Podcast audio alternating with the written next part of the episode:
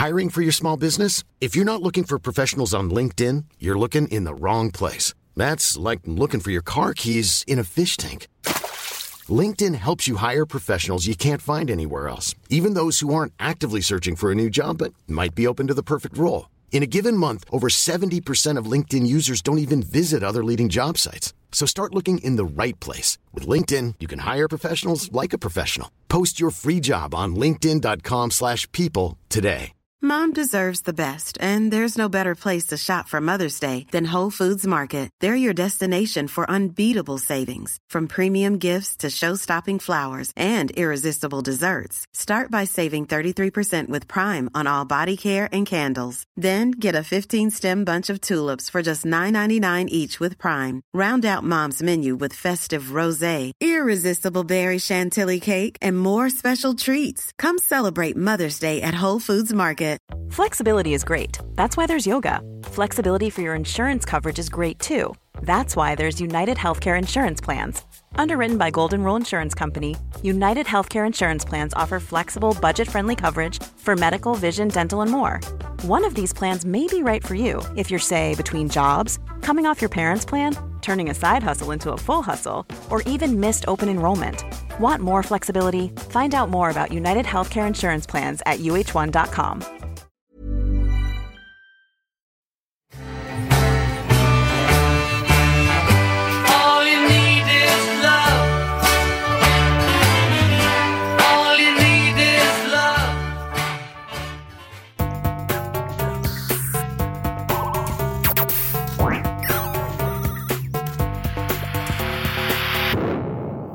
Velkommen til Sinnsyn. Jeg heter Sondre Risom Livre, er psykolog, og dette er Webpsykologens podkast. Hverdagspsykologi for fagfolk og folk flest.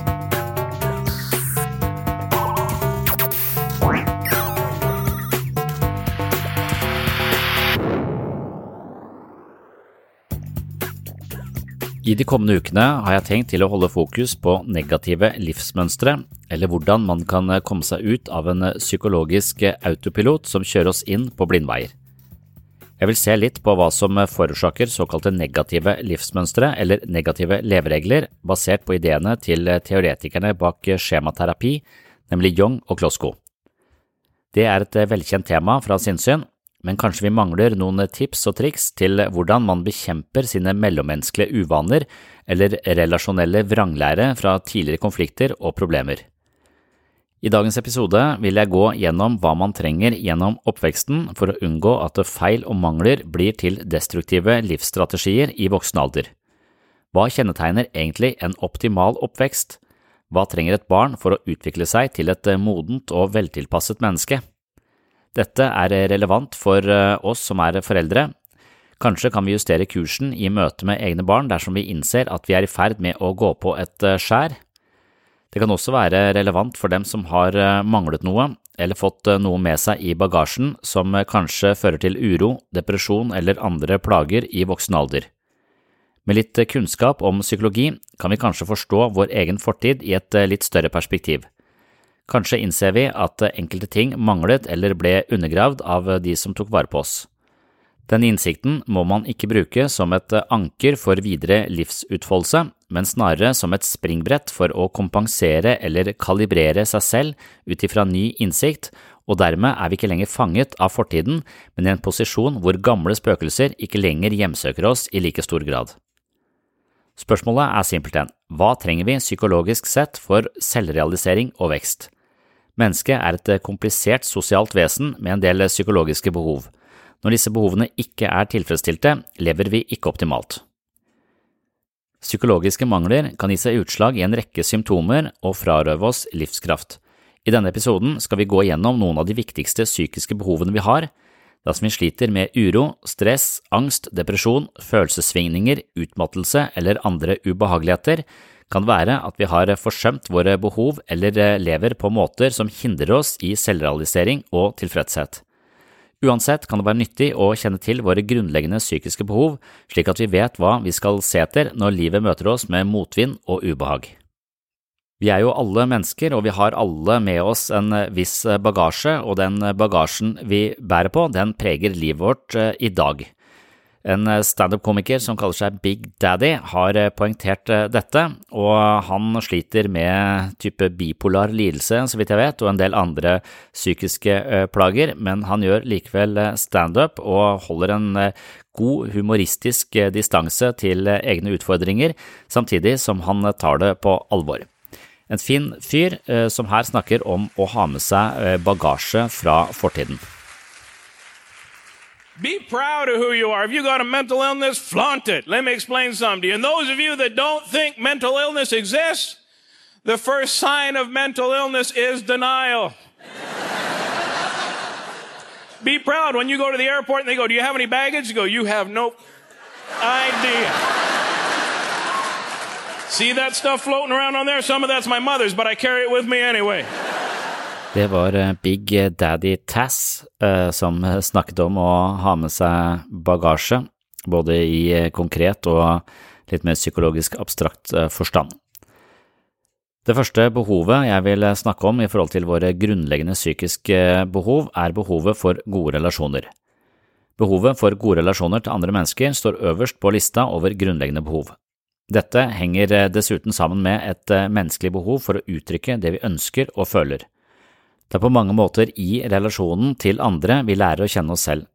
Det kan også virke som om mye av meningen med livet, da i hermetegn, er noe som oppstår i fellesskapet. Depresjon, angst og andre psykiske lidelser har gjerne en tendens til å isolere oss og på den måten forsterke symptomer og negative ideer fordi de ikke avstemmes eller justeres i dialog med andre. Hvis ikke vi klarer å uttrykke oss følelsesmessig og åpent i gode relasjoner til andre mennesker, er det sannsynlig at emosjonell smerte blir til psykiske spenninger som videre utvikler seg til symptomer som kroppslige plager, tvangstanker, indre uro, angst, depresjon, irritasjon, følelsesmessig ustabilitet og lignende. Man kan si mye om dette temaet, men noe av det mest vesentlige er at evnen til å opprettholde gode relasjoner til andre mennesker er en avgjørende markør i forhold til psykisk og fysisk sunnhet. Igjen handler dette mye om hva vi har erfart og lært gjennom oppveksten. Ofte vil måten foreldre relaterer seg til barn på, og foreldre seg imellom, fungere som en slags eh, relasjonell mal som barnet adopterer og legger som utgangspunkt for sine senere relasjoner. Gode, omsorgsfulle, tydelige og empatiske foreldre er selvfølgelig det beste utgangspunktet for de fleste. Jenny Sigrino har eh, ikke akkurat det utgangspunktet, men hun er morsom når hun snakker om omsorgssvikt. I have an immigrant mother. She's from Russia. And I feel bad for you guys who don't have immigrant parents in your lives because your lives are to be boring and full of love and support, and that's stupid. like,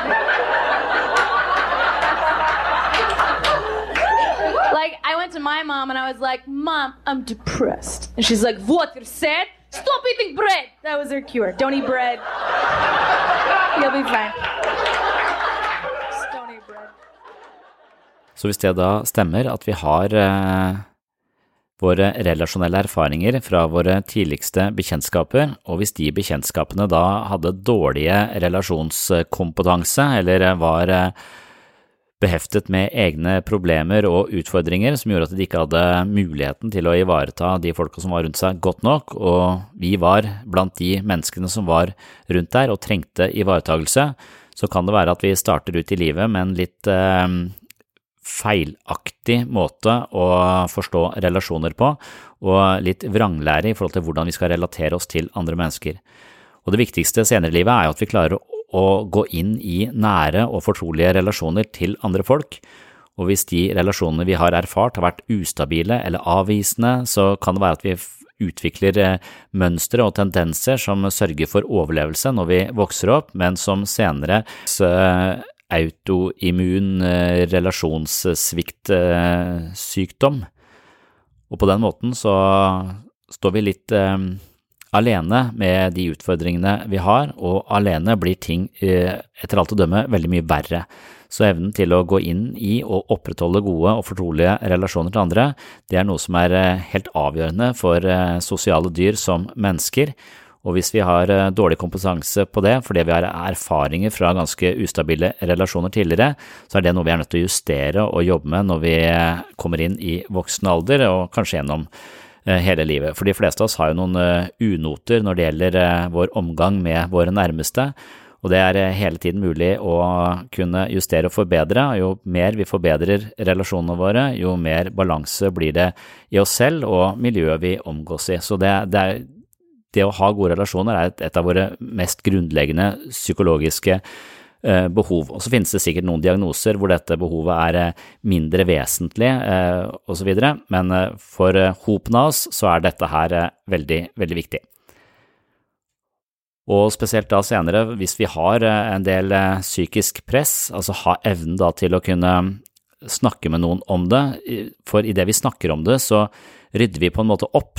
Når vi bare går rundt med masse tanker og uro og bekymringer, så blir det nesten som å gå rundt i et eh, rom som er vanvittig rotete, og du finner ikke hode og hale Eh, på noe som helst, så det å rydde opp i det rommet, få plassert ting der de hører hjemme, lukket skuffer, lukket skap og, og, på en måte plassert ting på riktige hyller, sånn at det blir en viss orden der vi bor, det er ganske viktig for, eh, for å trives i hjemmet sitt, og på samme måte må vi på en måte rydde opp i huet vårt, forestiller jeg meg. Så når vi har masse tanker og ideer som uh, martrer oss, så hjelper det å snakke om det, for hver gang vi sier noe om det, så er det som å legge det på riktig hylle. Vi rydder opp når vi gir det et språk, når vi gir det et språk, så ser vi det, og når vi ser det, så kan vi også plassere det der det hører hjemme. Og det å snakke om det gir da mer mening hvis det er noen som hører på og kan hjelpe oss å plassere de ulike tinga på de riktige hyllene. Så Derfor så er disse gode relasjonene helt, eh, helt absolutt avgjørende. Big Daddy Tass han mener at eh, Kvinner er bedre til å snakke sammen enn menn, og derfor så har menn også annerledes psykiske plager, ifølge Big Daddy Tass. Han sier selv han har en hel haug av psykiske plager, som nevnt, men han, eh, han eh, påstår at eh, den viktigste beskjeden han kan gi til menn, er at de må snakke om det, for det sliter de med, ifølge han. And I'm talking mostly to the men in the audience because women have a support group. It's called Women. I love the way you work. Look at the way she's dressed like that there. I cannot believe she's wearing a shirt two sizes too small, walking through the mall, her boobies just hanging out like that. I cannot believe she's just flaunting around like, oh, she's crying. Are you okay?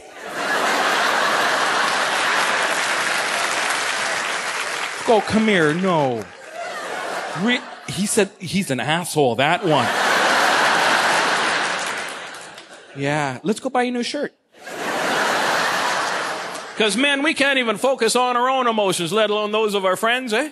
You walk in, you want to go fishing? I'm really sad. I'll see you tomorrow. You know? Det neste behovet som listes av eh, Jung og Klosko, altså disse teoretikerne bak eh, skjematerapi og det som kalles negative grunnleggende leveregler, det neste behovet er eh, behovet for selvstendighet. Og behovet for selvstendighet eller uavhengighet og autonomi er også blant våre mest grunnleggende behov. Autonomi er å leve på egen hånd, frigjøre seg fra foreldre og partnere, ha et eget liv, en identitet, et eget mål og en retning som ikke baserer seg på støtte fra andre. Dette er viktig i forhold til selvfølelse, selvtillit og indre ro. Mennesker som føler seg kompetente og selvsikre, har som regel færre bekymringer fordi de tror og stoler på egne evner til å takle motgang. En positiv utvikling av autonomi henger sammen med at eh, noen hjemme og i oppvekstmiljøet oppfordrer til autonomi og lærer barnet å klare seg på egen hånd, ta ansvar og utøve god dømmekraft. Noen familier fostrer dessverre det motsatte, altså overdreven tilknytning og avhengighet. Man lærer ikke ferdighetene til å klare seg selv, man blir eh, isteden eh, hjulpet, noe som underminerer egne forsøk på å mestre ting alene. Dette er hovedtemaet hovedtema i en artikkel som eh, jeg har kalt Selvstendighet kontra avhengighet, som du finner på webpsykologen.no under kategorien eh, Negative grunnleggende leveregler. Everyday situations will get me down. I'm at the self help section of a bookstore today looking for a book to help me. I can't find it. I turned to the lady in the self help section and I said, Can you help me find this book? She said, That would be ironic and self defeatist. How about you help me find a dictionary now? Når det gjelder eh, behovet for eh, selvstendighet, så er det også noen mennesker som trives i eget selskap og bruker mye tid alene med interesser og hobbyer. Andre mennesker trives best sammen med andre. Her er vi forskjellige, men uansett hva vi foretrekker, er behovet for autonomi helt grunnleggende.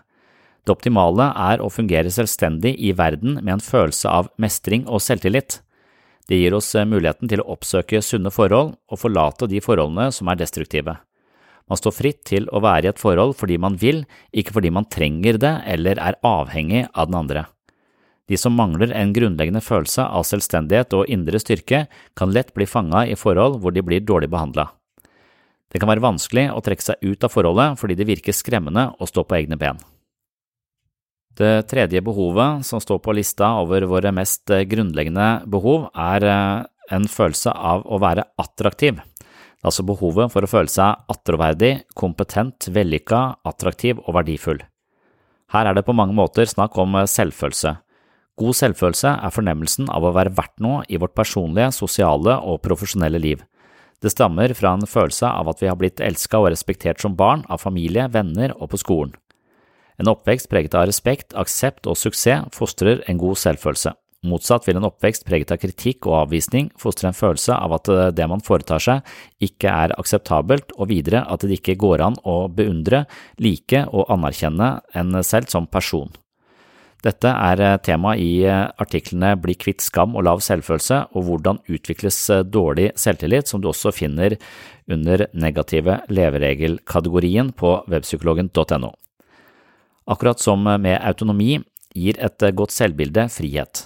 En følelse av eh, underlegenhet og skam vil holde oss tilbake i livet, og i mange sammenhenger fører det til at vi unngår eller eh, feilvurderer våre muligheter. Young og Klosko skriver følgende om et eh, dårlig selvbilde. Skammen din er som en tung, svart sky som omgjør deg og gjør deg ute av stand til å bevege deg, til å skape en forbindelse, til å uttrykke deg, til å oppfylle dine behov, til å utmerke deg. Idet man sliter med et eh, lavt eh, selvbilde, så vil målet være å leve på en måte som forbedrer selvbildet. Hvordan kan vi ha det bra med oss selv, akseptere oss selv uten å være overdrevent selvstraffende eller usikre? Det er rett og slett utfordringen. Og i de kommende episodene her på Sinnsyn så kommer jeg til å adressere denne utfordringen mer inngående i eh, episoder som handler om hvordan vi kommer ut av, eller hvordan vi bryter ut av disse negative livsmønstrene som har eh, røtter tilbake i eh, tidlige leveår. I had, I had low self-esteem as a little kid. I don't know why, but I was just very, I was very self-conscious, and and so they gave me these tapes to listen to at night. They were bad quality subliminal message tapes. Like you could hear the subliminal messages. It's like, I hear that. It's not going into my subconscious. It's bad subliminal messages. It, it was ocean sounds, and I would listen to it at night, and it would be like, You're a good kid.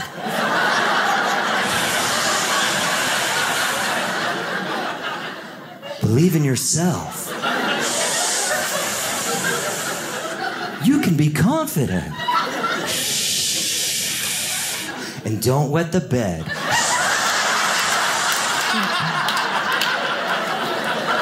And I was like, I didn't have a problem until all these ocean sounds at night.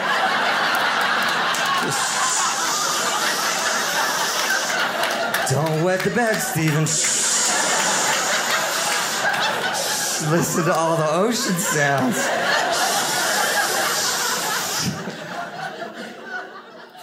Det var eh, Steven Solberg som eh, sleit med lav eh, selvfølelse og lite selvtillit som barn, men han hadde heldigvis da foreldre som ønsket at han skulle bli en selvstendig person med struttende selvtillit, og deres strategi var da å sette på en kassett med det han kalte subliminale beskjeder av sånne subtile beskjeder som skulle snike seg inn i Stevens sitt eh, ubevisste liv og omprogrammere han sånn at han eh, tenkte på seg selv som en eh, vellykka, kompetent og sterk person. Det er en strategi jeg har hørt om, men som jeg har litt lite tiltro til. Akkurat som jeg har litt lite tiltro til å stå og stirre på seg selv i speilet og si at du er helt fantastisk, du er helt rå, du er helt konge. Hvis du dypest sett ikke tror på det du sier, så blir det bare et slags panisk forsøk på å overbevise seg selv. Da tror jeg det er viktigere å gå inn i disse følelsene, prøve å forstå de, se hvor de er forankra, og ikke bare panisk avvise de på overflaten. Det har jeg litt eh, lite troa på. Men Steven han eh, kommer eh, ut av det på en annen måte. Han kommer ut av det på en litt overraskende måte, vil jeg si. Han forteller at han sleit med lav selvfølelse når han var barn, men da han fikk høre om kidnapping, så endret alt seg. I've done better with self confidence. I mean, well, my parents, they ended up building my self confidence in a different way. They didn't anticipate. They warned me about kidnapping. I heard about kidnapping, and it just filtered through this little self conscious kid's brain, and I just heard, somebody wants me?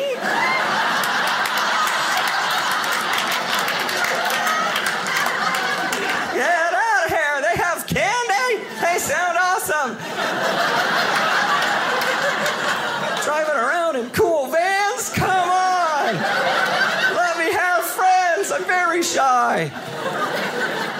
Det fjerde punktet på lista over eh, våre grunnleggende behov er behovet for selvhevdelse. Behovet for å stå på vårt, altså sunn selvhevdelse, sorterer også blant noen av menneskets mest grunnleggende behov. Nietzsche snakket om viljen til makt eh, som en av de viktigste drivkreftene i menneskelivet. Han snakket også om herremoral og slavemoral, og på mange måter er sunn selvhevdelse et tema som går igjen i mye av det Nietzsche har skrevet. Noen mennesker mangler tro på egne evner og forholder seg til livet som et slags offer. Som følge av negative erfaringer i forhold til undertrykkelse og lignende, har man mistet en grunnleggende tro på at man kan skape sitt eget liv eller påvirke tilværelsen med egen vilje. Man er ikke lenger agent i eget liv, men et offer for livets omstendigheter. Dette er en vond og vanskelig posisjon som medfører både angst, depresjon, isolasjon og stadige skuffelser. Dette er også tema i blant annet uh, artiklene som heter Underdanighet, Jeg gjør det du vil og Offerrollen, alkoholisme og familietragedier på webpsykologen.no hvis du vil dykke videre ned i denne materien.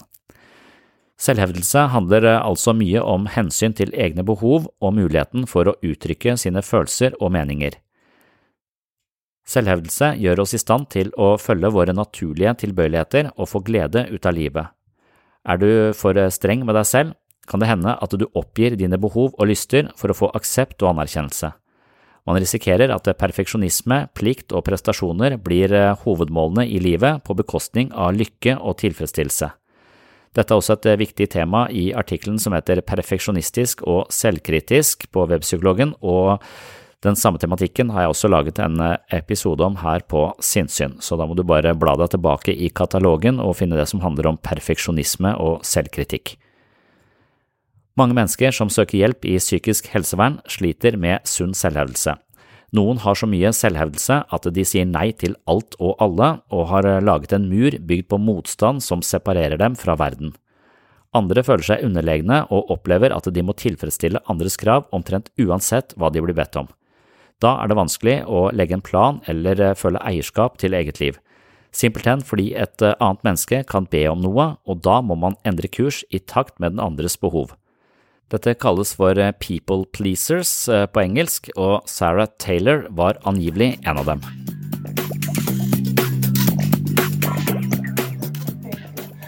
But uh, I used to be a real people pleaser in relationships, and it's good to be in a healthy relationship. Such such a people pleaser. I'm not anymore. But is everything okay between us? I just want to make sure. I just I'm feeling some little weirdness. I just want to make everything's okay. All right, love me, please like me. Oh my god. So I'm not a people pleaser anymore. not anymore. Yeah, not anymore. Fuck you. Um, gotta find the balance. You know, gotta find the balance. It's true. But uh, no, I was such a people pleaser in relationships, you guys. Every time I was in a relationship, I'd do this real special workout. It was called walking on eggshells. you know, it's the only exercise that makes you weaker. Yeah, I don't recommend it.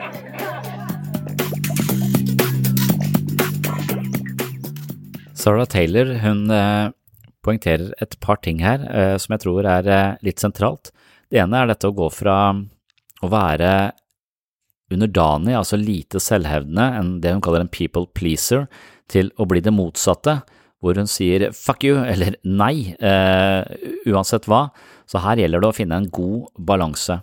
Men det å klare å sette grenser for seg selv og være selvhevdende betyr ikke at vi sier nei til andre folk, det betyr at vi av og til er nødt til å si nei, men det betyr bare at vi har en følelse av å eie vårt eget liv. Så når vi sier ja, så er det fordi at vi med god tro og følelse av kompetanse og eierskap til eget liv kan påta oss å hjelpe andre eller gjøre noe for andre. Og det koster oss heller ingenting å si nei, derfor er vi ikke så redd for å bli fanget inn i et eller annet sånt nett vi ikke kommer oss ut av. Vi sier ja til det vi eh, har lyst til, og sier vi nei til det vi ikke har lyst til, og vi gjør det med en sånn slags indre ro og trygghet som gjør at disse nei-situasjonene ikke blir awkward.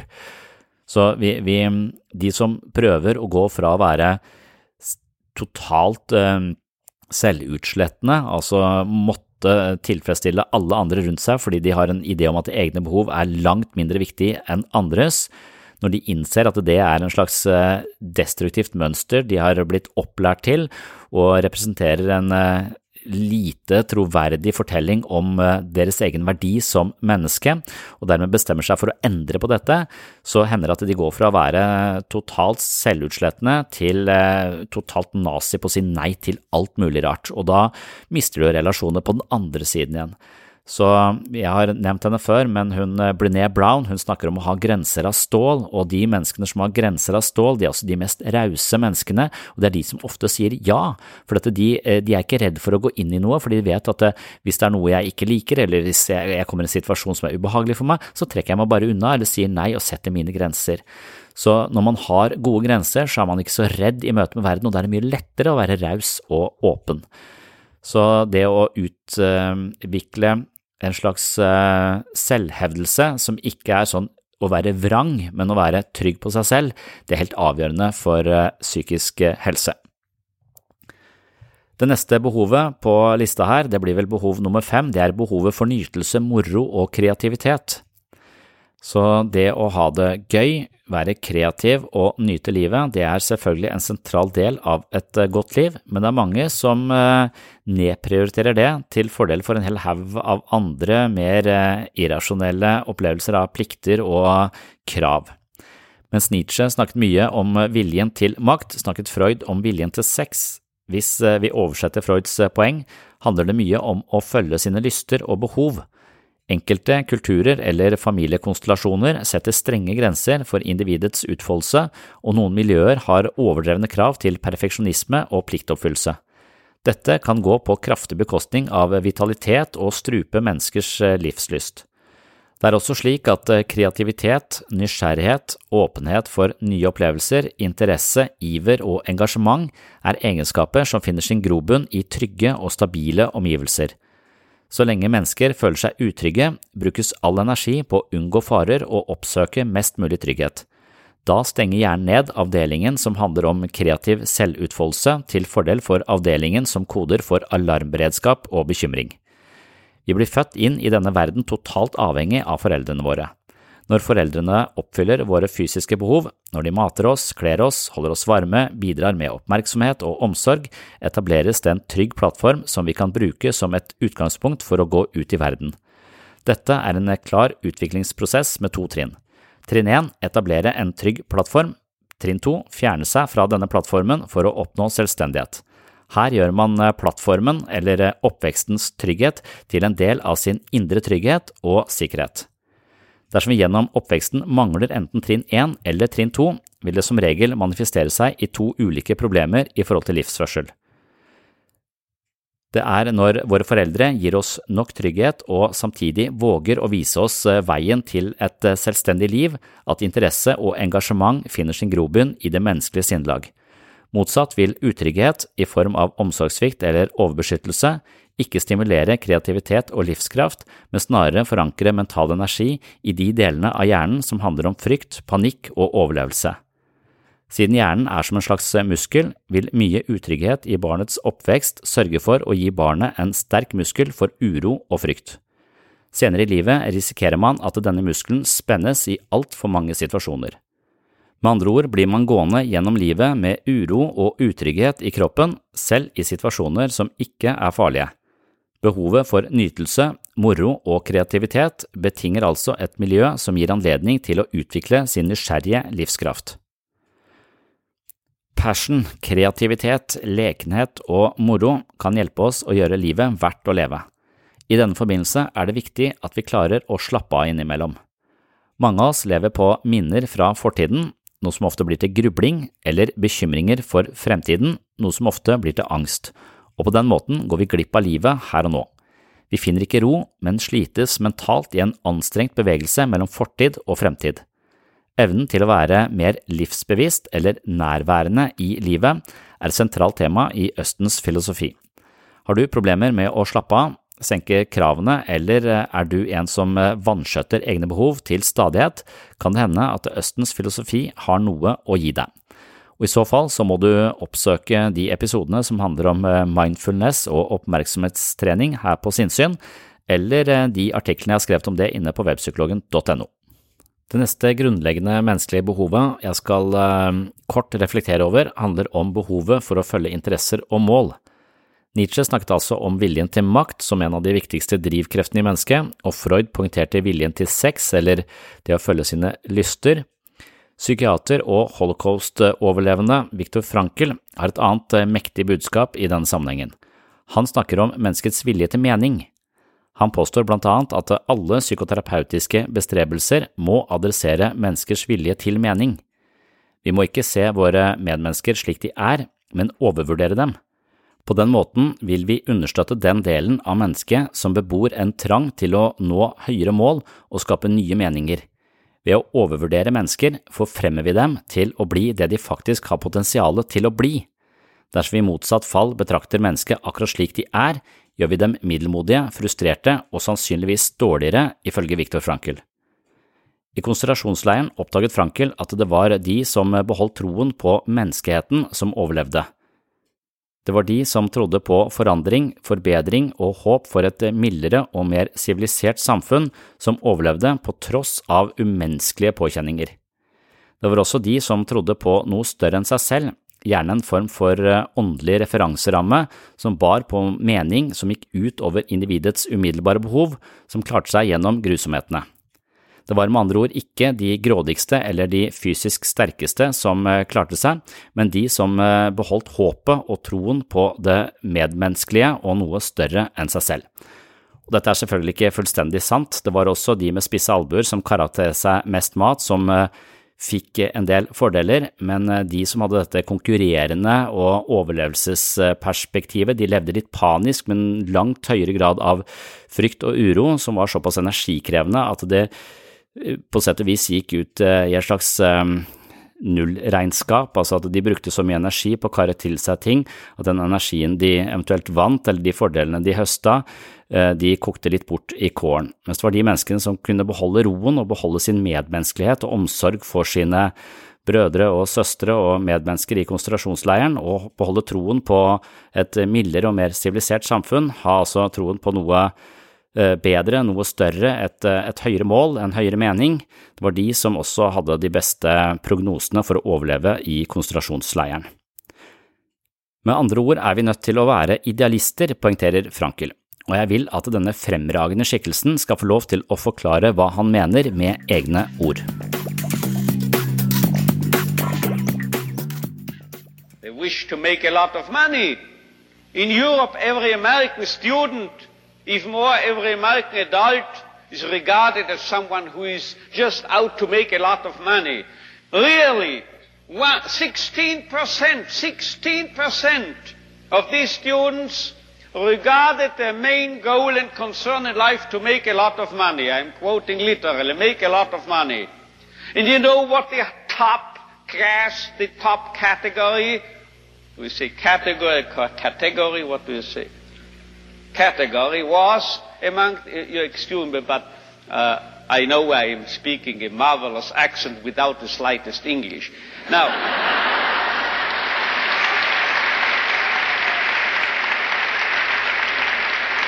you know, you know what the top category was?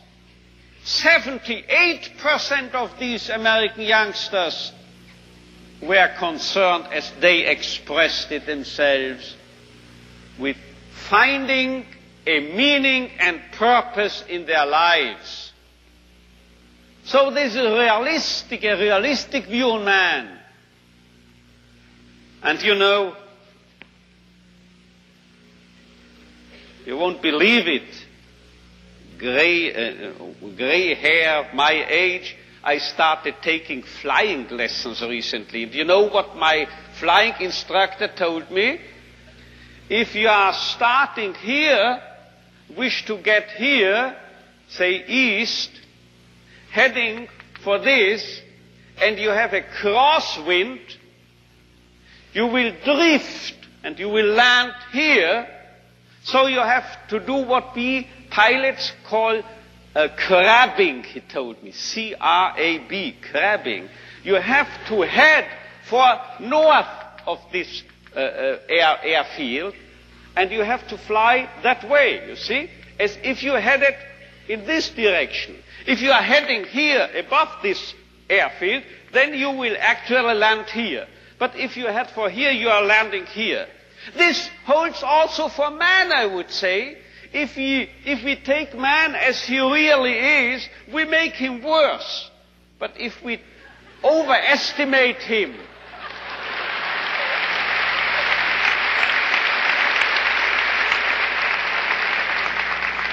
it's premature your applause, you will soon know why.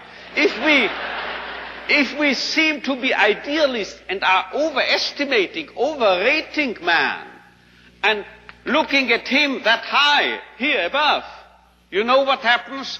We promote him to what he really can be. So we have to be idealists in a way, because then we'll uh, wind up as the true, the real realists. And you know who has said this? If we take man as he is, we make him worse. But if we take man as he should be, we make him capable of becoming what he can be. This was not my flight instructor, this was not me, this was Goethe. He said this verbally. And now you will understand why I, in one of my writings, once said, this is the most apt maxim and motto for any psychotherapeutic activity. So if you don't recognize a young man's will to meaning, man's search for meaning, you make him worse, you make him dull, you make him frustrated, you still add and contribute to his frustration. While if you presuppose in this man, if in this so-called criminal or juvenile delinquent or drug abuse and so forth, there must be a a, what we call spark, yeah, a spark of search for meaning. Let's recognize this. Let's presuppose it. And then you will elicit it from him and you will make him become what he in principle is capable of becoming.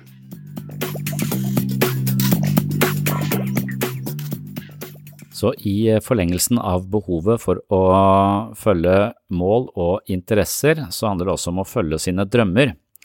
I forhold til menneskets behov for å følge interesser og sette seg mål, har altså drømmene også en viktig funksjon. Drømmer er kilden til troen på at det finnes noe bedre. Drømmer bringer oss til et høyere nivå, langt unna elendighet og fortvilelse. Drømmer er idébasen som kan redde oss når vi føler at vi har nådd bunnen. Verdien av drømmer ligger i muligheten til å vise oss nye veier, antenne håp og engasjement og tydeliggjøre muligheter. Drømmer motiverer oss til å finne en vei ut av helvete. Dette er for øvrig også temaet vi utforsker i mer detalj i en artikkel som heter Om å følge sine drømmer på webpsykologen.no, så den kan du søke opp der hvis du vil gå dypere inn i dette aspektet ved våre grunnleggende behov.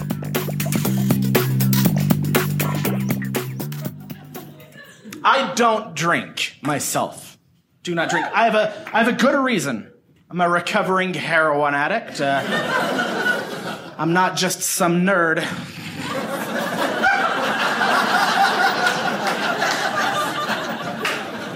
this is true. I'm in recovery. But it's true. I go to meetings and stuff. I went to a meeting the other day, a 12 step meeting, and I have severe ADHD. I don't pay attention well. And they were in the meeting and they were talking about dreams, and I wasn't paying any attention. And then they wanted me to talk. And I'm like, well, most recently, a dream of mine is I'm in the mountains with my dead uncle Steve.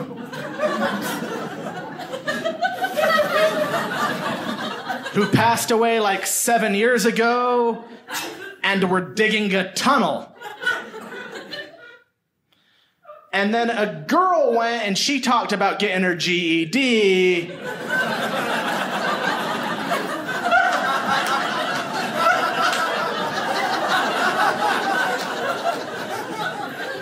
And a guy went and he talked about becoming a construction foreman.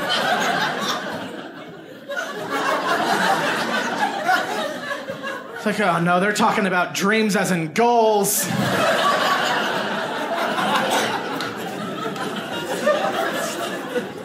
So now everybody in that meeting thinks I relapsed and got high the other day. Because I told them it was my big ambition in life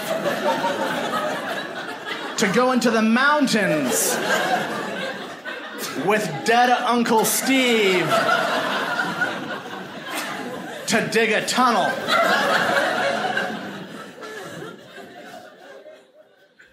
Til slutt så skal jeg nevne et uh, siste og også ekstremt viktig uh, element, og det handler om behovet for å hjelpe andre og utvise omtenksomhet. I videoen hvor uh, Viktor Frankel står ved tavla og snakker om man's search for meaning og hvordan vi må overvurdere mennesker for at de virkelig skal på en måte anspore dem til å nå sine visjoner og nå litt lenger enn det de har eh, fantasi til eh, selv, så er vi altså inne på eh, hvorfor vi er nødt til å tro på andre mennesker. Han forteller oss rett og slett at vi, vår tro på andre mennesker gjør dem bedre. Det bringer oss over til det neste og siste menneskelige behovet som da nevnes av Young og Klosko, nemlig behovet for å hjelpe andre og utvise omtenksomhet og kjærlighet. Altruisme er en slags eh, etisk eh, filosofi som hevder at vi skal eh, handle slik at det kommer andre til gode. Det er det motsatte av egoisme. Innenfor dynamisk psykologi har blant annet Christopher Perry listet altruisme som en moden forsvarsmekanisme. I denne sammenhengen legger han vekt på at personer kan håndtere stress og emosjonelle konflikter ved å oppfylle andres behov på en hengivende måte. Altruisme eller omsorg og kjærlighet overfor andre tilfredsstiller våre sosiale og tilknytningsmessige behov, samtidig som man eh, gjerne føler seg litt bedre når man er til hjelp for andre. Ved første øyekast kan dette med å være til hjelp for andre og altruistisk eh, fokusert synes å stå i en motsetning til det å være selvhevdende og ta vare på egne behov. Men jeg tror absolutt ikke det er noen motsetning her sånn. Hvis man er virkelig trygg på seg selv og har det hun eh, Brené Brown kaller grenser av stål, så har man rett og slett kapasitet og, og, og tro på at man faktisk kan gjøre en forskjell, og derfor er man mer motivert til å være åpen, raus og hjelpsom i møte med andre folk. Så det er nesten avgjørende å ha eh, gode grenser for å tørre å gå inn og være åpen og interessert og hjelpsom i møte med, med andre mennesker. Så her er det ikke noen, eh, noen motsetning, sånn, eh, selv om det å være på en måte hjelpsom og gjøre ting for andre, og det å være selvhevdende kan høres motstridende ut, så er det absolutt ingen motsetning. Det er sånn.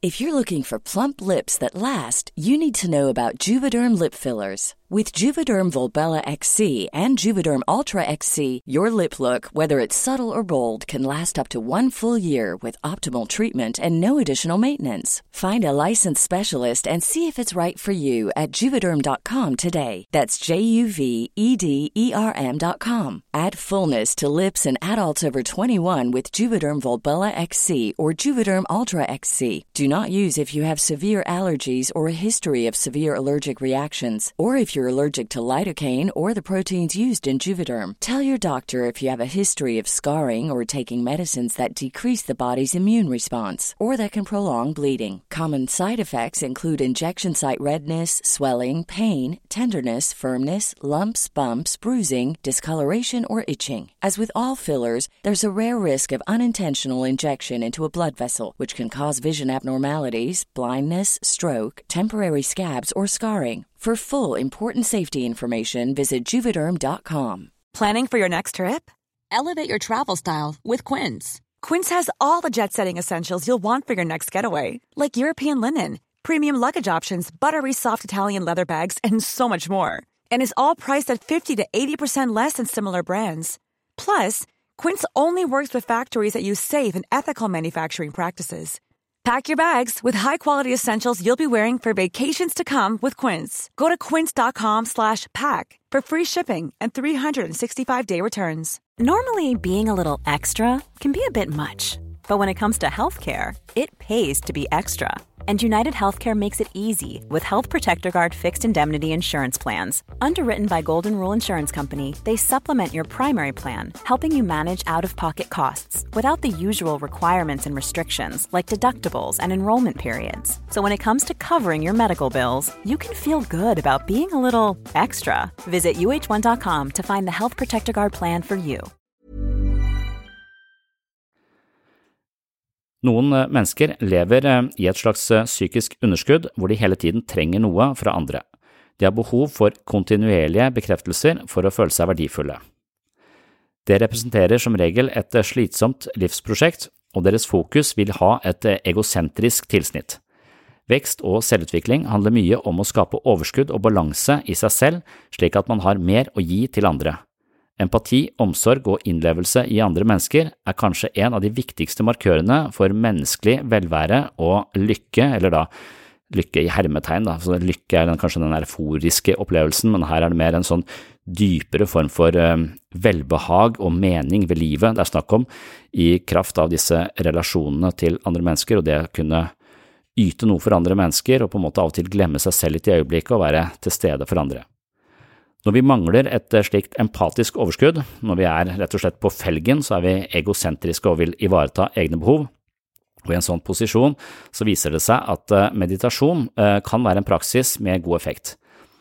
Meditasjon bidrar til en form for sjelefred som dernest fremmer medfølelse og empati, og dette her er teoriene til Paul Ekman og Daniel Goldman osv., som har skrevet dette om destruktive følelser, hvor dette egoet som hele tiden lurer oss til tro at vi befinner oss i et underskudd som skal tilkjempe seg noe mer, er på sett og vis ikke noe fysisk, men bare en mental konstruksjon som ofte lurer oss inn i livsfeller. Og meditasjon er en praksis hvor vi stirrer på dette egoet så lenge at vi avslører hvordan det lurer oss. Så forholdet mellom emosjonell intelligens, empati og medfølelse er også et tema og som jeg går mye mer inn i i andre episoder her på Sinnsyn, og gjerne de episodene som da handler om mindfulness, medfølelse, det å være et godt menneske, oppmerksomhetstrening osv. Så, videre. så sjekk ut det hvis du vil dykke ned i den delen av menneskets grunnleggende behov. En av de mest tilfredsstillende sidene ved livet er å lære seg å gi noe til andre og være empatisk overfor dem. På sett og vis er det også et grunnleggende menneskelig behov, men hos mange mennesker er dette behovet begravd i vonde erfaringer, stress, kapitalisme, fattigdom, rigide kulturer, samlivsmønstre, krav, forventninger og andre livsomstendigheter som begrenser vårt overskudd til andre mennesker. Og her begynner episoden å nærme seg en time, så nok en gang så bare refererer jeg til andre artikler som går grundigere gjennom disse aspektene, og det er blant annet artikkelen som heter De usedvanlig gode menneskene og medmenneskelighetens psykologi på webpsykologen.no. Så dette var altså en kort gjennomgang av våre grunnleggende behov ifølge Young og Klosko, jeg avslutter med en vignett fra et foredrag hvor jeg også reflekterer over våre grunnleggende eksistensielle behov og betingelser. Det blir da en slags repetisjon av det jeg har sagt, så hvis du syns det var viktig og vil ha det en gang til i en litt mer muntlig form, så kan du bare henge på videre. Hvis ikke, så må du ha takk for følget. Skru av episoden nå, og på gjenhør i neste episode. Så da er det endringsfilosofiske antakelser. Eh, endringsfilosofi. Eh, snakke om forandring, hvordan man kan forandre seg. Og litt om hvorfor det er så vanskelig å forandre seg. Når vi forandrer oss, så må vi nødvendigvis bevege oss i en eller annen retning. Når vi beveger oss, så står det ofte noe i veien. Og det er det som, som er eh, problemet. Og det er mange grunner til det, og det er mange mange måter å forandre seg på. Og det skal vi gå litt gjennom nå. Og de antagelsene som jeg tar utgangspunkt i, de har jeg fra Young og Klosko, som snakker om negative grunnleggende leveregler. Disse levereglene er noe som eh, er forankra i dypet av vår psykologi og styrer veldig mye av måten vi tenker, føler og, og handler på. Young og Klosko er ganske positive. Den første antakelsen de har, eh, handler om at eh, alle mennesker har en del av seg selv som ønsker å være lykkelig og realisert. Denne delen er, eh, kan være veldig fremtredende, og da er det flott, men denne delen kan også være godt begravd i oss og vanskelig å finne fram til. Det står at denne delen kan ha blitt begravd i løpet av eh, år med vanskjøtting, underdanighet, mishandling, kritikk, mobbing eller andre destruktive eh, krefter. Men dypest, eh, dypest, sett så har vi en, en del av oss som ønsker forandring, og det er også den vi er nødt til å, ta fatt på i terapi eller selvutvikling. Eller i hvert fall prøve å finne frem til. Den neste antakelsen handler om en forståelse av at mennesket har en god del behov, en god del psykologiske behov, eh, som bør være tilfredsstilt for at vi skal eh, leve Eh, på en eh, god måte med grei livskvalitet. Så jo flere av våre behov vi klarer å få tilfredsstilt, eh, jo større sjanse er det for at vi klarer å realisere oss selv og leve det livet vi ønsker, og nå de målene vi har satt oss. Og Da har jeg kort lista opp en del av de behovene som Og Klosko trekker frem som de viktigste. På førsteplass så setter de Jeg vet ikke om disse er ikke rangert etter viktighet, de er like viktige alle sammen. Men behovet for gode relasjoner til andre mennesker står øverst på, på, lista. Det dreier seg litt om Det er litt selvfølgelig, men det er også ganske mye mange ting i relasjon til eh, andre mennesker som kan gå galt. Eh, og allerede fra første leveår så er vi jo totalt avhengig av foreldrene våre, og vi er avhengig av samspillet med andre mennesker. Så barnet finner seg selv gjennom andre mennesker. Barnet lærer om seg selv, forstår seg selv i morens og foreldrenes øyne. Og omsorgspersoner, de som er rundt eh, barn, har da på en måte et ansvar, eller står litt ansvarlig for hva slags programvare som blir installert i dette, dette barnet. Eh, hvis et barn opplever kritikk, kjeft, blir ignorert eller eh, eller på en eller annen måte oversett, så vil det gjøre noe med barnets psykologi. Det vil gjøre noe med barnets operativsystem og barnets selvforståelse. Hvem er jeg? Jeg er den som ingen legger merke til. Jeg er det usynlige eh, barnet. Det kan danne seg som et slags mønster inni oss, og vi kan fortsette å på en måte leve etter det mønsteret gjennom livet. Og det er eh, noe av det største det, det er på en måte kjernen i en negativ, grunnleggende leveregel tanker vi får som fester seg tidlig i, eh, eller tanker og følelser vi får som fester seg veldig tidlig i oppveksten vår, og som får gjenklang utover hele eh, livsforløpet. Og Dette er ikke tanker vi er født med, dette er ikke selvforståelser vi kommer med som er forhåndsprogrammert inn i oss. Det er noe som skjer i samspillet med omgivelsene. Og Som voksne så har vi også hele tiden behov for gode relasjoner til andre mennesker som kan bekrefte oss på positive måter. Problemet er at hvis vi ikke har hatt disse gode relasjonene når vi vokste opp, så har vi en tendens til å gjenta de. Og Det er det også uh, skjebnens ironi, på en måte, er at de menneskene vi møter i vårt tidlige liv, de har en større innflytelse, virker det som, på denne, dette operativsystemet som vi orienterer oss i verden med. Kall det selvfølelse, kall det operativsystem, kall det selvtillit. Det er forskjellige ting og har forskjellig betydning, men det er noe av det, noe av det samme. Hvis vi er vant til å få mye kritikk, hvis vi er vant til å bli oversett, så kan det bli, i verste fall bli en del av vår identitet. En måte vi tenker om oss selv på. Jeg er ikke like viktig som alle andre, så jeg stiller meg bakerst i køen. Andres behov er viktigere enn mine behov. Eh, derfor er jeg mer opptatt av at andre skal få dekt sine behov, enn å tenke på meg selv. Og På den måten så lever man usynlighet. Man blir eh, usynlig, og da har man også en tendens til å gå inn i relasjoner senere i livet eh, hvor denne eh, på en måte rollefordelingen blir en virkelighet. Du legger deg litt under og finner kanskje folk som har behov for å være litt over. Og På den måten så gjenskaper du veldig ofte noen av de skadeligste relasjonene du hadde som barn i voksenlivet.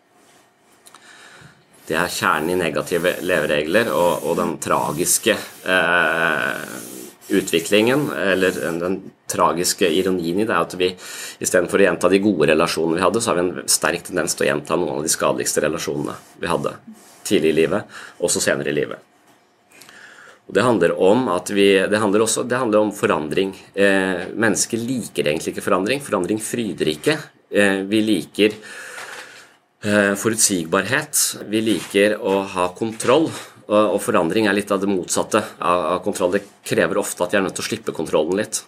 Og hvis vi har dannet oss et bilde av oss selv med negative undertoner, så er det noe vi kan ha en tendens til å tviholde på, og dermed ubevisst inngå i relasjoner hvor dette bekreftes. Og da får vi forsterket ideen om oss selv gjennom andre mennesker, og ting henger sammen. Vi forstår oss selv, vi kan planlegge, vi har forutsigbarhet. Hvis vi da møter mennesker som behandler oss annerledes, hvis vi tenker at jeg er eh, mindre verdt enn andre mennesker, så møter du noen som behandler deg som om du var mye mer verdt enn andre mennesker. Noen som er stormende forelska i deg, f.eks. Så høres det bra ut, men for mange så kan det virke skremmende. De kan møte det med mistillit. Hva er det han ute etter? Hva er det som skjer her? Og, og på en eller annen måte kanskje ikke tiltrekkes det forholdet i det hele tatt. Young Klosko er en av de teoretikerne som går ganske langt når det handler om å gi folk råd i forhold til hva, eh, hva slags mennesker de bør ha som kjærester. Og I forhold til noen av disse levereglene så hender det at det, når man møter mennesker hvor det gir sånn umiddelbar kjemi 'Dette er bra. Her blir jeg stormende forelska.' Så skal du gå hjem aleine. Fordi at det, det, der bør være en varsel, eh, en, det bør lyse en varsellampe. De menneskene umiddelbart føler en god kjemi til, er ofte de menneskene som du tiltrekkes fordi at de passer inn i de levereglene som eh, psyken din på sett og vis opererer på. Og Det er ikke alltid sånn. Det er hvis vi har negative, grunnleggende leveregler. Hvis vi, hvis vi på en måte orienterer oss i livet, og, og om vi har det eller ikke har det, det ser vi på. Kommer vi stadig vekk i situasjoner vi ikke trives i? Eh, møter vi stadig vekk mennesker som svikter oss? Blir vi eh, ofte forlatt til slutt? Sånne, har vi sånne typiske mønster som vi ser har gjentatt seg mange ganger gjennom livet vårt? Eh, så er det sannsynlig at vi kanskje lever på en eller annen negativ grunnleggende leveregel. Og at denne leveregelen styrer oss både måten vi tenker, føler og handler på, hele tiden i retninger som gjør at vi ikke blir realisert eller, eller får til noen forandring. Men snarere gjentar de negative ideene, eller på en måte forsterker den negative leveregelen. Psykisk sunnhet kan jo handle om evnen til å inngå i gode relasjoner med andre eh, mennesker. Evnen til å opprettholde gode relasjoner til andre mennesker. Og gode relasjoner det er gjensidige, likestilte eh, relasjoner hvor du har noe å gi, og du får noe.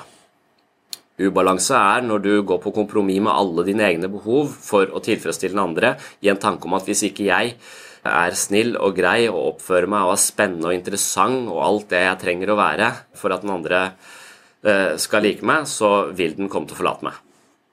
Da er det en ubalanse i forholdet, og da, da, lever du også sannsynligvis på en slags grunnleggende idé om deg selv som ikke er spesielt heldig. Psykoterapi handler om å gå inn i psykens operativsystem, kartlegge disse negative mønstrene, se de, observere hvordan tankene er automatiske, hvordan de kommer, hvordan de tar med seg en del negative følelser som forsterker negative tanker, og hvordan dette her maskineriet eh, fungerer, stå på utsiden av seg selv, observere seg selv, for så å bevisst gå inn og gjøre en endring. Og det er dritvanskelig. Det handler om bevissthet. Vi må virkelig styrke vår bevissthet hvis vi skal klare å gjøre noen ordentlig endring i, eh, i livet vårt.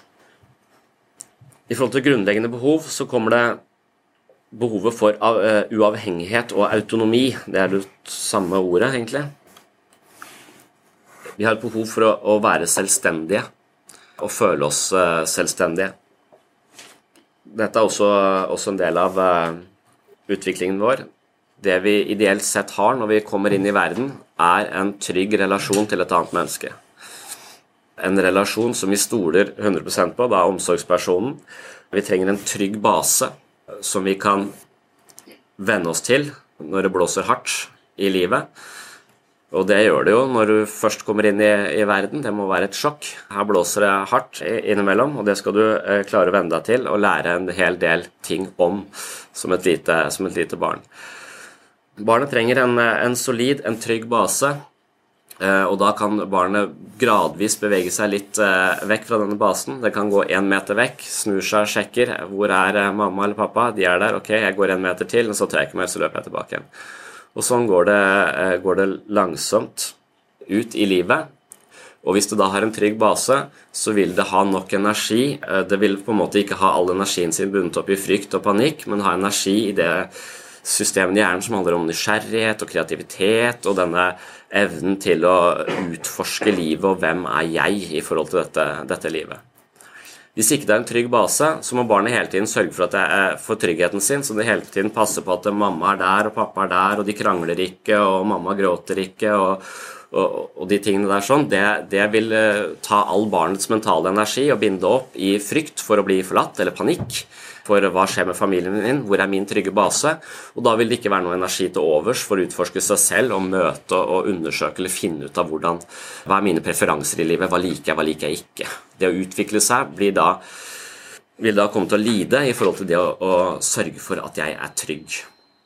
Så det vi kan gi barn, er mest mulig trygghet, for så oppfordre det og støtte det i prosessen for å bli selvstendig. Og Det er også mange, mange, ting som kan gå ganske galt. Noen foreldre eh, har investert hele sitt liv i barna, og indirekte, eller kanskje ubevisst, så har de en idé om at eh, når disse blir veldig selvstendige, så trenger de ikke meg mer. Hva skjer da? Hvor eh, er jeg viktig hvis barna mine ikke lenger trenger meg? Den skrekken kan ligge i bunn av en del eh, foreldre, og uten at de er det bevisst, så kan det hende at de istedenfor å fostre autonomi og selvstendighet og gi barnet muligheten til å utvikle seg fritt og selvstendig, så holder det litt tilbake og skaper avhengighetsmønster. Det klarer ikke du, det må jeg hjelpe deg med. Så, så, det kan komme en slags overomsorg der, hvor man hjelper barnet med så mange ting at barnet eh, får en forståelse av at 'jeg klarer ikke verden uten hjelp fra mine foreldre', og så skaper man en slags hjelpeløshet som også skaper en sterk binding, sånn at da flytter i hvert fall ikke barna så veldig langt. De flytter ikke ut av byen, kanskje de ikke flytter ut av huset en gang, og da er det trygt for foreldrene. Men uansett, for at et barn skal klare å, å utvikle eller for at vi som mennesker skal klare å utvikle selvstendighet, så vi, har vi et grunnleggende behov for å føle en trygghet eh, i, i bånd. Kunsten å være voksen handler om å våge å ta ansvar for eget liv og føle at man er kompetent til å ta det ansvaret for eget liv. Eh, personlig så var jeg redd for, eh, for brev med vindu veldig lenge brev med vindu var eh, noe som dukket opp når jeg på en måte flyttet hjemmefra. Og det symboliserte for meg at nå må du ta det administrative ansvaret for ditt eget liv. Og det åpne brev med vindu var forbundet med denne voksenrollen som var skremmende, tror jeg. Derfor lot jeg være en god stund. Og Hvis du ikke åpner brev med, med vindu, så kommer en fyr og bærer deg ut av leiligheten til slutt. Eh, og det er ikke eh, noe særlig artig. Det skjedde heldigvis ikke, for jeg, jeg, skjønte at jeg måtte åpne de, men det var eh, forbundet med litt krise og en god del angst og ubehag. Neste behov, der snakker Young og Klosko om eh, behov for å føle seg eh, kompetent, vellykka, attraktiv og verdifull. Martin Selingman er en sånn Han har vært leder for den amerikanske psykologforeningen, eller psykiaterforeningen. Og han er, blir sett på som opphavsmann til det som kalles positiv psykologi. Og han er en veldig sånn eksponent for at det vi trenger, er ros, aksept, forståelse og, og backup, liksom. Vi trenger å bli backa opp, og vi trenger å få vite at vi er gode nok. Så i forhold til sin datter så sier han at det jeg har oppdaget, er at det hun trenger, er ros og beundring for det hun gjør bra. Det hun gjør feil, det trenger jeg ikke å si så mye om, for det oppdager hun på egen hånd. Og hvis hun oppdager det på egen hånd, så kommer hun til å endre det. Så han ser at endring av de på en måte ukloke valgene hun eventuelt gjør, de, eh, de retter hun opp i selv. Så han er ikke noe særlig for kjeft, i hvert fall. Han er nok for veiledning, at vi veileder barna våre, men han er imot at vi skal kjefte og, og ha veldig sånne strenge oppdragelsesregimer. Han er på en måte en, en talsmann for ros og varme, kan man si. Og det kan virke litt som om han har rett, som om all den rosen vi har fått som eh, barn eh, opp igjennom, har eh, kanskje lagt seg som en slags motor i oss selv. Det skaper motivasjon, det skaper egenverdi, det skaper en følelse av at jeg kan noe, og da har jeg lyst til å det, utvikle det videre. Så den følelsen av å være kompetent, vellykka, attraktiv og verdifull er nok også noe som har røtter i, i, i oppveksten, oppveksten, vår. Og det representerer ofte også en krise i, i folks liv. altså at veldig, Et stort behov hos barn er å bli akseptert og elsket av foreldrene sine man, barn gjør veldig mye for å, å tilfredsstille eh, foreldrene, eller for å være flinke i foreldrenes øyne. Og når de da flytter hjemmefra og skal gjøre ting for seg, for seg selv, så kan det representere en, en krise i, i, livet. Hvorfor gjør jeg dette? Jeg hadde litt sånn når jeg flytta, begynte å studere psykologi, og så faren min er lærer og er opptatt av eh, karakterer og sånn. Og når jeg fikk god karakter på første prøve på universitetet, så så, så, var den jo ikke der. Det var ingen til å se på den karakteren. Det var ingen til å, de jeg gikk sammen med, de var mer opptatt av å spille biljard og drikke øl. De var ikke opptatt av hva slags karakter jeg fikk. Så jeg hvorfor i huleste var så, så, Og da, da, var det liksom det, Nå må jeg selv gi meg selv ros for at jeg har gjort det bra. Og jeg tror Jo mer ros man har fått opp igjennom, jo lettere er det å integrere dette og bruke dette som sin egen kilde til å akseptere og være fornøyd med seg sjøl og gi seg selv et klapp eh, på skuldra når man er voksen. Så er det behovet for å uttrykke det vi ønsker og føler. Alle de følelsene vi ikke har språk på, alle de følelsene som de ikke virker, eller som, som familien eller samfunnet eller, eh, eller en sier er sosialt uakseptable, eller eh, alle følelser som blir undertrykt, blir ofte til psykiske spenninger, og psykiske spenninger blir ofte til symptomer. Så en av, en av de modne eh, måtene å håndtere følelser på, er å sette ord på konflikter i oss. En konflikt kan være, eh, dukker ofte opp når vi har motstridende følelser om noe. Det er en person som vi elsker og hater på samme tid, f.eks., og er avhengig av. Det er tenåringenes store problem. er at eh, jeg skal utvikle meg og bli selvstendig, og da må jeg gå litt i opposisjon mot mine foreldre. Jeg må markere at jeg er noe annet enn det de er. Så da kommer eh, den eh, opposisjonsfasen. Samtidig, når de markerer dette, så, så merker de at jeg er jo også avhengig av foreldrene mine. Så nå er man på en måte Foreldrene er man avhengig av. Foreldrene blir det ansikt på ens egen avhengighet, mens man holder på å utvikle selvstendighet, og da blir man gjerne forbanna på eh, foreldrene. Man blir forbanna på de menneskene som er symboler på vår egen avhengighet, på sett og vis, eh, når vi arbeider med og dypest sett ønsker å være selvstendige og klare oss, eh, klare oss selv. Og det er veldig konfliktfullt, og det skaper mye turbulens i mange, i mange familier, og det må det gjøre. Eh, I voksen alder så får vi lignende motstridende eh, følelser i oss, og evnen da til å, si noe om det, uttrykke at på den ene siden så har jeg det sånn, og på den andre siden så har jeg det sånn, så vil det være istedenfor å ha denne eh, spenningen inni seg, idet vi uttrykker den, så vil den komme litt på utsiden, og vil vi få en litt større avstand til den, sånn at den ikke angriper oss like hardt. Så evnen til å uttrykke følelser, sette ord på følelser, forstå følelser og bruke følelser på en konstruktiv måte, er også et veldig sånn kjennetegn på psykisk, eh, psykisk sunnhet. Dessverre er det sånn at mange eh, vokser opp i familier som ikke snakker om følelser, som syns at følelser er flaut, som er skamfulle, som har en justis på at vi ikke snakker om uh, våre følelser til noen andre. Noen menn forbinder følelser med noe feminint og noe vi ikke skal eh, være i kontakt med i det hele tatt som mann. Og de får fryktelig vondt i ryggen etter hvert. Det, psykiske spenninger får ofte hos menn et fysisk utslag, eh, så smerter eh, i, i kroppen. Så Det finnes jo egne terapiretninger. altså Affektbevissthet er en retning som veldig mange driver med her på, eh, på huset, som handler om å uttrykke følelser. Sette språk på følelser og uttrykke følelser, forstå følelser, finne ut hva de heter.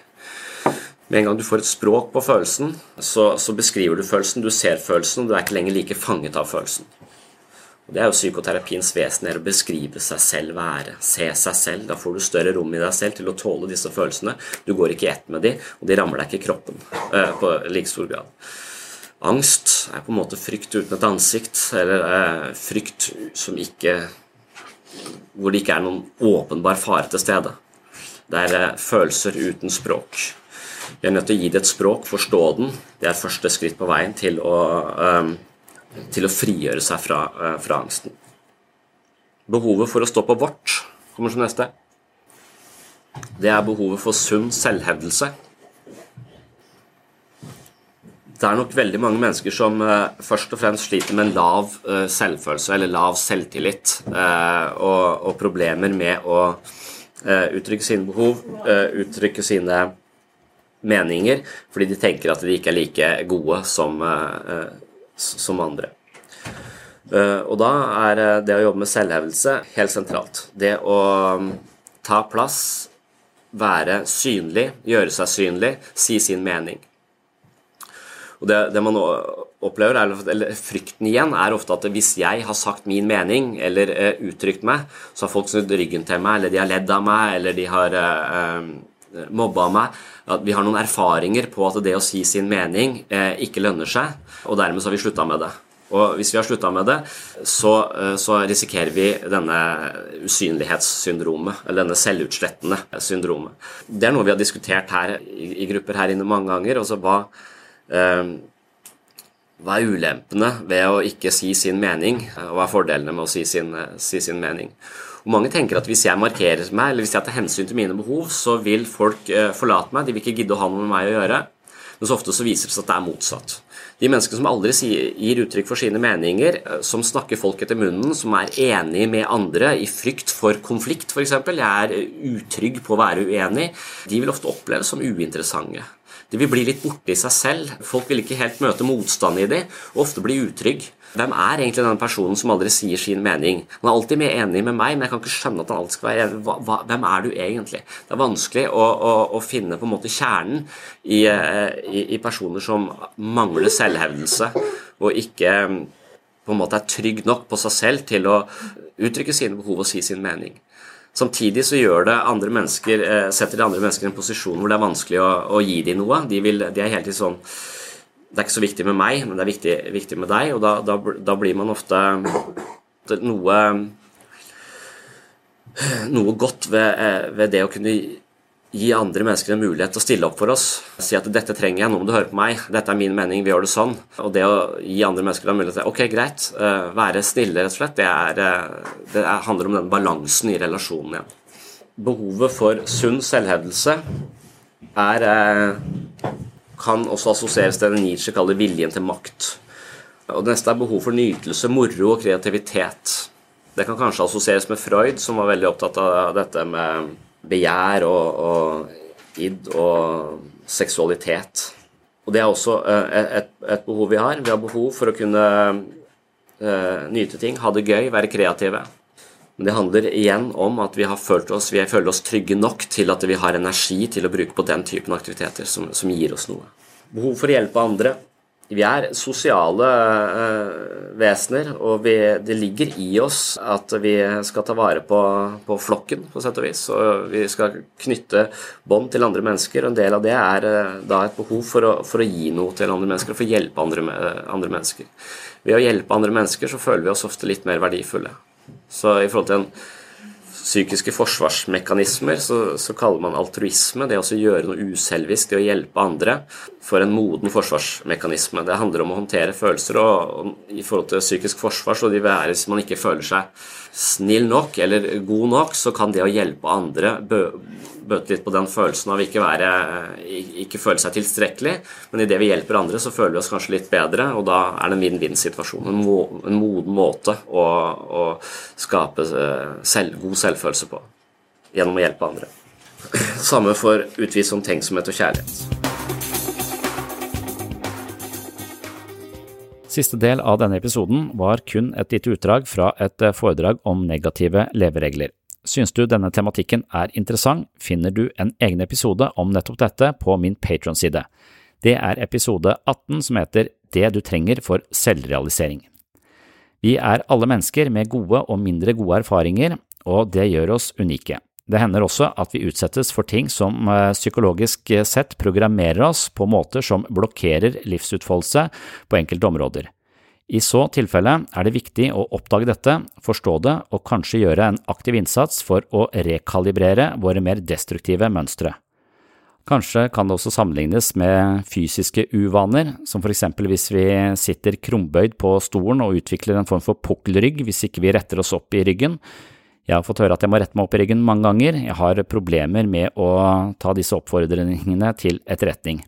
Og våre feilaktige fysiske fremtoning på en stol, det er ergoterapeutens domene, mens våre psykiske uvaner sorterer under psykologi. Fordi vi er mennesker, jeg tror de fleste av oss eh, har noen eh, mindre attraktive egenskaper som kanskje er kimen til både stress, usikkerhet og dårlige relasjoner, og det er simpelthen fordi vi er mennesker. Jeg mener imidlertid at eh, det er mye man kan gjøre for å bli den personen man ønsker å være. Jeg tror nærmest det er et slags moralsk imperativ å se for seg en variant av oss selv som er litt rausere og mer harmoniske enn den vi lever som akkurat nå. Og det er da i tråd med det Viktor Frankel sier, at vi må sikte litt høyere enn det vi egentlig føler vi kan stå inne for. Vi må se andre i et uh, litt større perspektiv, vi må også ha tiltro til at andre kan uh, oppføre seg langt over det de selv har uh, troa på, og hvis vi ser dem på den måten, så kan det være vi er med på å løfte de, men på samme måte må vi kanskje anlegge en tilsvarende holdning overfor oss selv. Ikke bare for vår egen del er dette bra, men også for alle de som har med oss å gjøre, og kanskje spesielt våre nærmeste og eventuelt våre barn. Hvis jeg kan være en bedre variant av meg selv, så er det ikke så mye for min egen del, men ofte for de folka som er rundt meg. Jeg kan fint leve sånn som jeg har det nå, men eh, mine barn hadde hatt det bedre med litt mer tålmodighet fra pappaen sin enn det de opplever nå i disse tider, hvor det er sommerferie og vi har eh, et ganske aktivt eh, uteliv hvor jeg kan bli litt lei innimellom. Så dette her sorterer delvis under det jeg tidligere sa med hensyn til å sette seg mål og visualisere sin fremtid. I alle fall er ønsket om psykologisk utvikling eller mental trening mer innsikt og en litt eh, større dybde i våre små og store livsprosjekter blant målsetningene på det jeg kaller mitt mentale treningsstudio.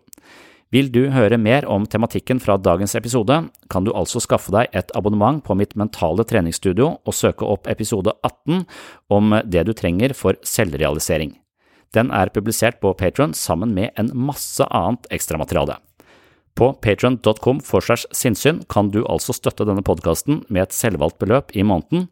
Det er ressurskrevende å drive en podkast, men heldigvis er det flere av dere som har valgt å støtte sinnssyn på Patron. Det hjelper meg å holde hjula i gang både på webpsykologen.no og på sinnssyn. Som takk for støtten får du et eksklusivt medlemskap i mitt mentale treningsstudio. Det innebærer mange flere episoder av sinnssyn, mine bøker i lydbokversjoner, videomateriell som ikke publiseres andre steder, og ikke minst en rekke øvelser som har til hensikt å forankre den psykologiske teorien i praksis. Mange har mye innsikt og selvinnsikt og psykologisk klokskap i hodet, men hvis ikke man kan omsette det i hverdagslivet, har det liten verdi. Jeg mener at hjernen er en muskel som må trenes på lik linje med resten av kroppen. Med andre ord får vi en hjerne som reflekterer måten den blir brukt på, akkurat som kroppen vår. Vil du ha mentale treningsøvelser, mer sinnssyn hver måned og en mulighet for å gi din støtte til podkasten, da er Patron forslags sinnssyn stedet for deg. Her finner du også en ny episode om våre psykiske behov og mer om psykologien i såkalte negative leveregler. I tillegg kan du også høre meg lese mine bøker om psykologi og selvutvikling. Både Selvfølelsens psykologi og Jeg, meg selv og selvbildet publiseres kapittel for kapittel på Patron for Patron-supportere, og da kommer den i lydbokversjon. Jeg har også flere lydbøker på trappene som vil dukke opp i nær fremtid. Alt sammen kan du få med deg dersom du blir en av mine høyt verdsatte Patron-supportere. Håper å se deg på Patron. Linken finner du i shownotes eller på webpsykologen.no. Ellers kan du vente deg en ny episode her på Sinnsyn om kort tid. På gjenhør.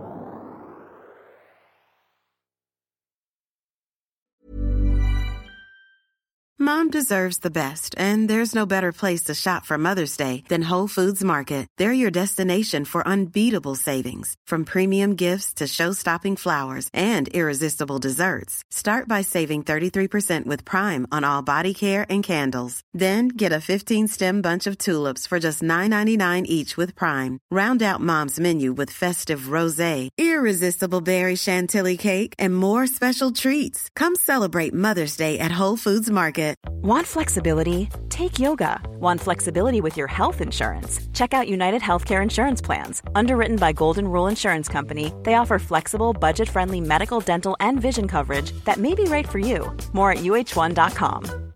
Cool fact a crocodile can't stick out its tongue. Also, you can get health insurance for a month or just under a year in some states. United Healthcare short term insurance plans, underwritten by Golden Rule Insurance Company, offer flexible, budget friendly coverage for you. Learn more at uh1.com.